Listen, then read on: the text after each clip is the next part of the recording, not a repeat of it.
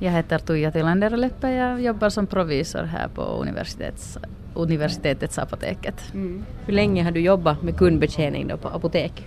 Uh, nästan i 13 år. No, det är mycket, mycket sjukdomar som du har sett och känt och hört runt omkring dig. Uh, hur är det just det här med att, att jobba på ett ställe där folk hela tiden är sjuka? Eh, det är bara en del av jobbet och vi tänker egentligen inte så mycket på det att folk är sjuka. Vi är här för att hjälpa dem. Och om jag tänker personalen här på apoteket, vi är inte mer, jag tror inte vi är mera sjuka än eh, folk normalt. Eh, kanske man får lite sån resistens när man har jobbat i många år här. Yeah. Ja precis. Hur var det när du började liksom då för 13 år sedan? Kommer du ihåg något? Var du mycket sjuk då?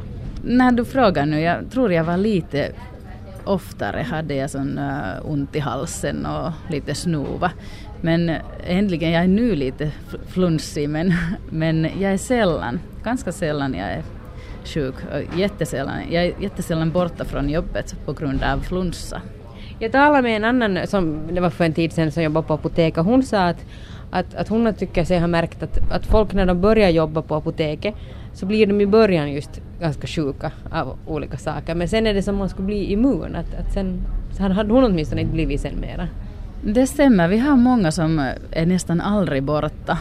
Även om det är folk som har influensa eller magsjukdom eller flunsa. Och jag tror att man, man blir mer immun hela tiden. Ja, hur är det med den saken? Är det alltid så att folk som utsätts mycket för flunsor också utvecklar ett stenhårt immunförsvar? Och är det här då någonting som var och en av oss kunde utnyttja så att man med flit skulle utsätta sig för smitta? För att på lång sikt sen vara frisk? Vi ska knacka på hos Seppo Meri som är professor i immunologi vid Hartmansinstitutet i Helsingfors. Institutet är en del av Helsingfors universitet. Vad skulle du säga du som då forskar i immunförsvaret? Att får man en starkare motståndskraft om man först utsätts för olika flunsavirus? Är man sen starkare då?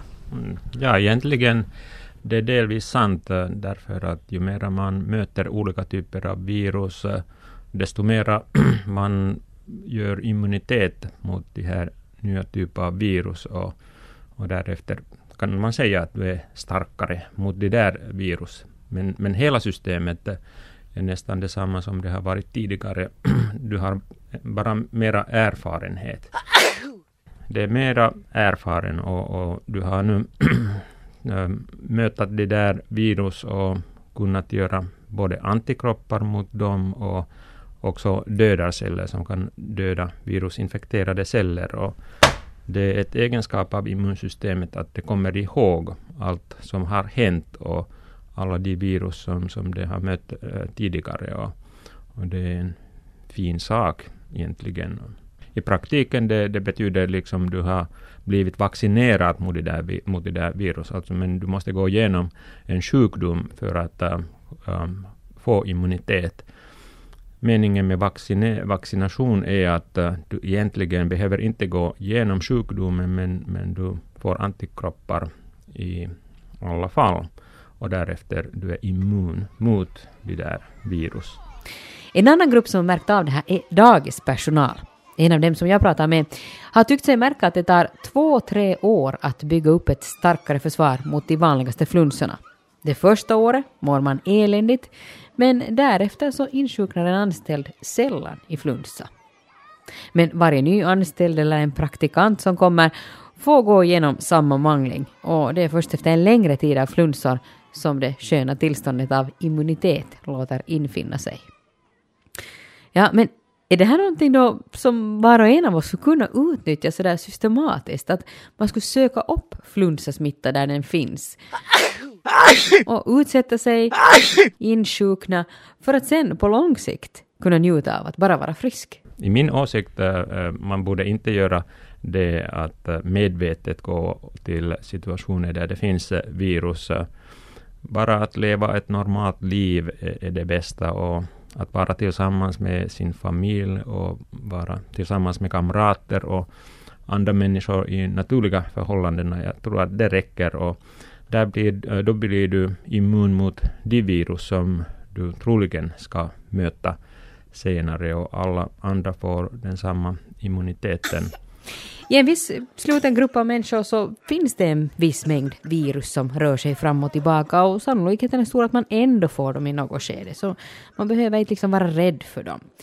Men att utöva någon slags kamikaze gentemot alla flunsor och utan urskiljning kasta sig mot dem, det tror Seppo Meri inte på. Det är möjligt att eh, du får först en virusinfektion. De är inte så farliga om det är naturlig normal flunsa.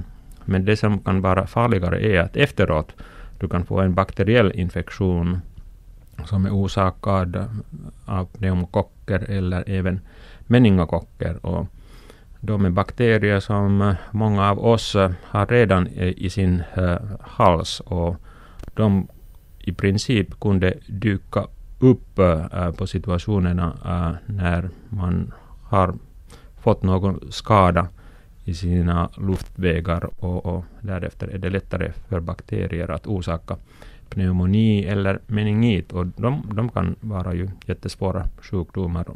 Det vill säga lunginflammation eller hjärnhinneinflammation? Just det. Just det. Och det, därför äh, rekommenderar jag inte att äh, gå och utsätta sig till infektioner medvetet. Men sen finns det dessutom en sån risk väl att med vissa allvarligare sjukdomar så funderar man kring att att det kan också ha varit något influensavirus eller flunsavirus som, som har utlöst det här, eller liksom, ja, utlöst sjukdomen. Att, att, det finns också en sån risk varje gång man blir sjuk, så att säga. No, det är också sant. Eh, alltså, det finns några andra sjukdomar som är kopplade till virusinfektioner. Och det är något som vi inte förstår eh, så bra. Till exempel, man vet inte exakt varför några människor eh, får diabetes, typ 1-diabetes. Och man har tänkt att uh, den är kopplad till en virusinfektion. En enterovirusinfektion som är likadan som några vanliga flunsavirusinfektioner. Det finns över 200 flunsavirus, så att för att få en helt omfattande immunitet så är det ganska många flunsor man ska avverka innan man har fått det här erfarna immunförsvaret som det var tal om. Kan man då få flera flunsavirus på en och samma gång? No, samtidigt eh, är det inte så ofta att man får eh, eh, virusinfektioner, därför att en virusinfektion, om du har en, den aktiverar ditt immunsystem på ett sådant sätt att vi får interferoner och andra molekyler som egentligen förhindrar en annan infektion på samma gång. Alltså det är inte så vanligt, men man kan få infektioner efter varandra. Det är vanligt. Eh, alltså om du har, får en infektion, den kan eh, förorsaka skada i slemhinnorna och, och därefter är det lättare att få andra infektioner där också. Nå till sist, eh, nu har vi ju talat enbart om immunförsvaret och flunsavirus, men när det gäller forskning kring immunförsvaret som ni då sysslar med till exempel, så, så där, hur mycket skulle du säga att, att ni har kartlagt hur det funkar med immunförsvaret hur mycket finns det ännu olika sorters mysterier? Ja, det finns många mysterier ännu i immunförsvaret och, och, och vi vet inte alls allt och, och, det är spännande att fortsätta forskningen där. En av de viktigaste frågorna för mig till exempel är hur, kan, hur är det möjligt att viruspartiklarna kan komma i kroppen och undvika immunsystemet? Alltså vi har ett ganska starkt immunsystem och det borde um, skydda oss mot alla olika typer av bakterier och virus. Men även uh, detta kan, kan man ännu få infektioner och, och ganska många uh, olika typer av infektioner. Alltså de bakterier och de virus som orsakar sjukdom måste ha speciella, eh, specifika skyddningsmedel själv att kunna orsaka en sjukdom hos människa, en infektion. Alltså det vet man ganska lite, äh, lite om. Alltså man kallar dem virulensmekanismer av virus. Apotekspersonal utvecklar alltså ett starkt immunförsvar efterhand. Men finns det då andra knep för att stå emot flunsor som till exempel provisor Tuija Tillander Leppe använder sig av? Ja, jag använder äh, ja, varje dag vitamin D och mjölksyretabletter använder jag också. Och jag försöker sova tillräckligt och vad är jätteviktigt att uh, jag, tvättar, jag brukar tvätta händerna alltid när jag kommer från, bort från kundområdet och alltid när jag kommer hem tvättar jag händerna.